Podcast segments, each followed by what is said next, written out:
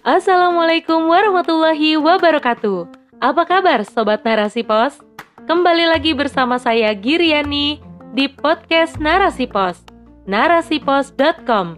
Cerdas dalam literasi media, bijak menangkap peristiwa kunci. Rubrik Food.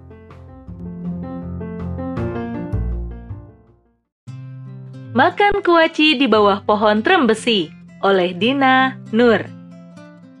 Pernah makan kuaci? Itu loh, cemilan dari biji-bijian kecil yang dikeringkan dan diasinkan. Kuaci biasanya dibuat dari biji bunga matahari, biji labu, dan biji semangka. Selain tiga jenis itu, ternyata kuaci bisa juga dari biji pohon trembesi loh. Wah, seperti apa tuh? Pohon trembesi atau samanisaman sering disebut pula rentri atau pohon hujan. Sebutan ini karena pohon trembesi sering mengeluarkan air dari tajuknya, lantaran begitu kuatnya ia dalam menyerap air tanah. Karena itu, tak usah kaget bila tiba-tiba ada air menetes kala kamu duduk-duduk di bawah pohon trembesi. Rentri bukan tengah menangis, tapi ia sedang memberimu tanda kasih. Berada di bawah pohon trembesi terasa sangat menyejukkan. Pohonnya yang besar dan dedaunannya yang rindang sangat tepat sekali dijadikan peneduh di tempat-tempat publik. Trembesi biasanya ditanam di taman-taman, halaman sekolah atau kampus, perkebunan, atau area luas lainnya.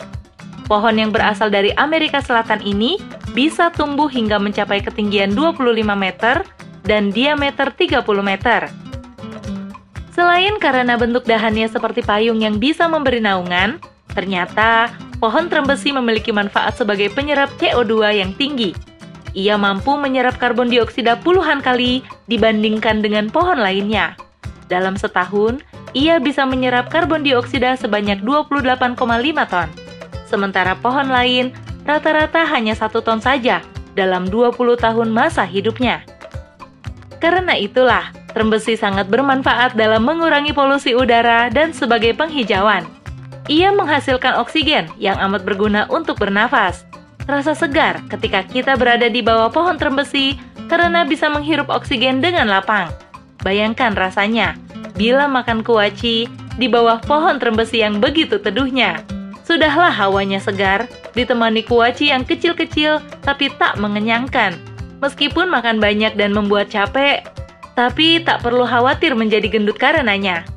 Nah, meski pohonnya sangat besar, ternyata trembesi memiliki biji yang kecil Orang Solo menyebut biji trembesi dengan godril dan bisa dimakan seperti layaknya kuaci. Cara membuatnya pun mudah. Cukup bersihkan biji trembesi dengan air mengalir, kemudian siapkan penggorengan dan goreng biji trembesi tanpa minyak atau disangrai. Bisa juga ditambahkan dengan garam untuk memberikan rasa gurih sesuai selera. Selain sebagai camilan berupa kuaci, biji trembesi juga memiliki manfaat untuk kesehatan tubuh. Biji trembesi yang mengandung senyawa alkaloid bermanfaat sebagai antibakteri dan juga untuk mencegah infeksi.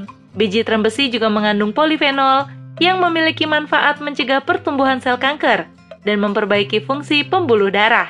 Kandungan saponin dalam biji dan daun trembesi berfungsi sebagai anti jamur, antibakteri, dan anti peradangan.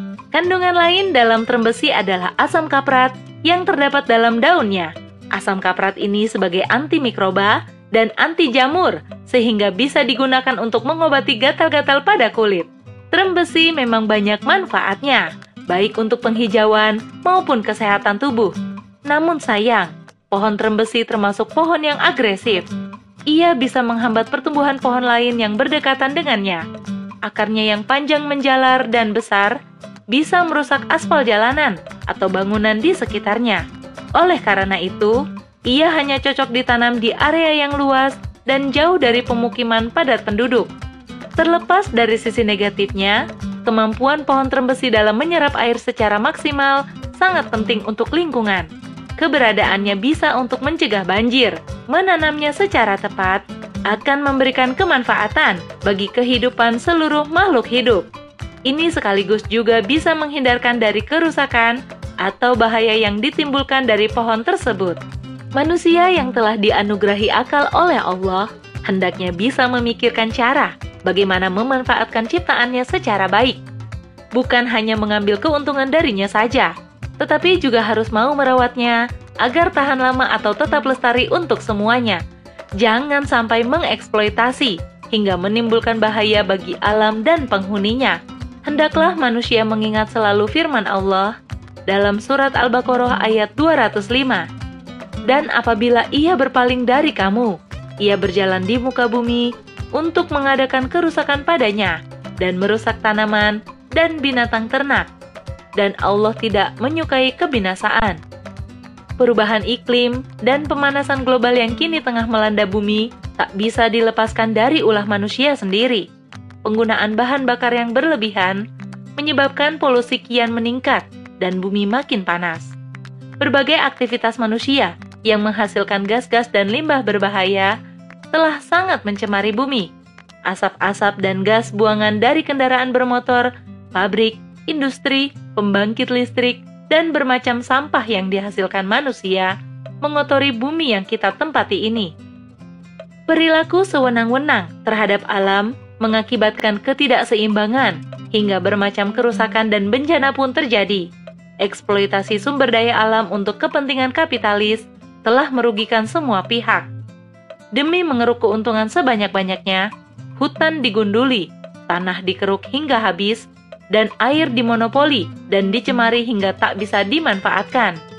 Banjir, tanah longsor, kebakaran hutan, hujan asam, dan kekeringan kian parah menimpa umat manusia dan bumi rumahnya. Menanam pohon merupakan sebagai salah satu upaya manusia untuk mengembalikan hijau dan bersihnya bumi. Bukan hanya untuk generasi saat ini saja, tetapi juga demi anak cucu kita kelak. Berharap agar kita dan generasi selanjutnya bisa tetap menikmati apa yang disediakan alam dengan sehat dan bahagia. Merawat dan menjaga bumi bukan hanya suatu kebutuhan untuk memperbaiki keadaan, namun juga menjadi kewajiban yang bertumpu pada keyakinan pasti pada Sang Pencipta. Tugas manusia sebagai hamba adalah memelihara apa yang telah diberikan oleh Allah Subhanahu wa Ta'ala termasuk alam semesta ini. Jangan sampai melakukan kerusakan di dalamnya atau menambah buruknya dengan berbagai macam kemaksiatan yang dibenci Allah. Sebagaimana firman-Nya dalam surat Al-A'raf ayat 56 berikut. Dan janganlah kamu membuat kerusakan di muka bumi setelah Allah memperbaikinya dan berdoalah kepadanya dengan rasa takut tidak diterima dan penuh harapan untuk dikabulkan. Sesungguhnya rahmat Allah begitu dekat kepada orang-orang yang berbuat baik.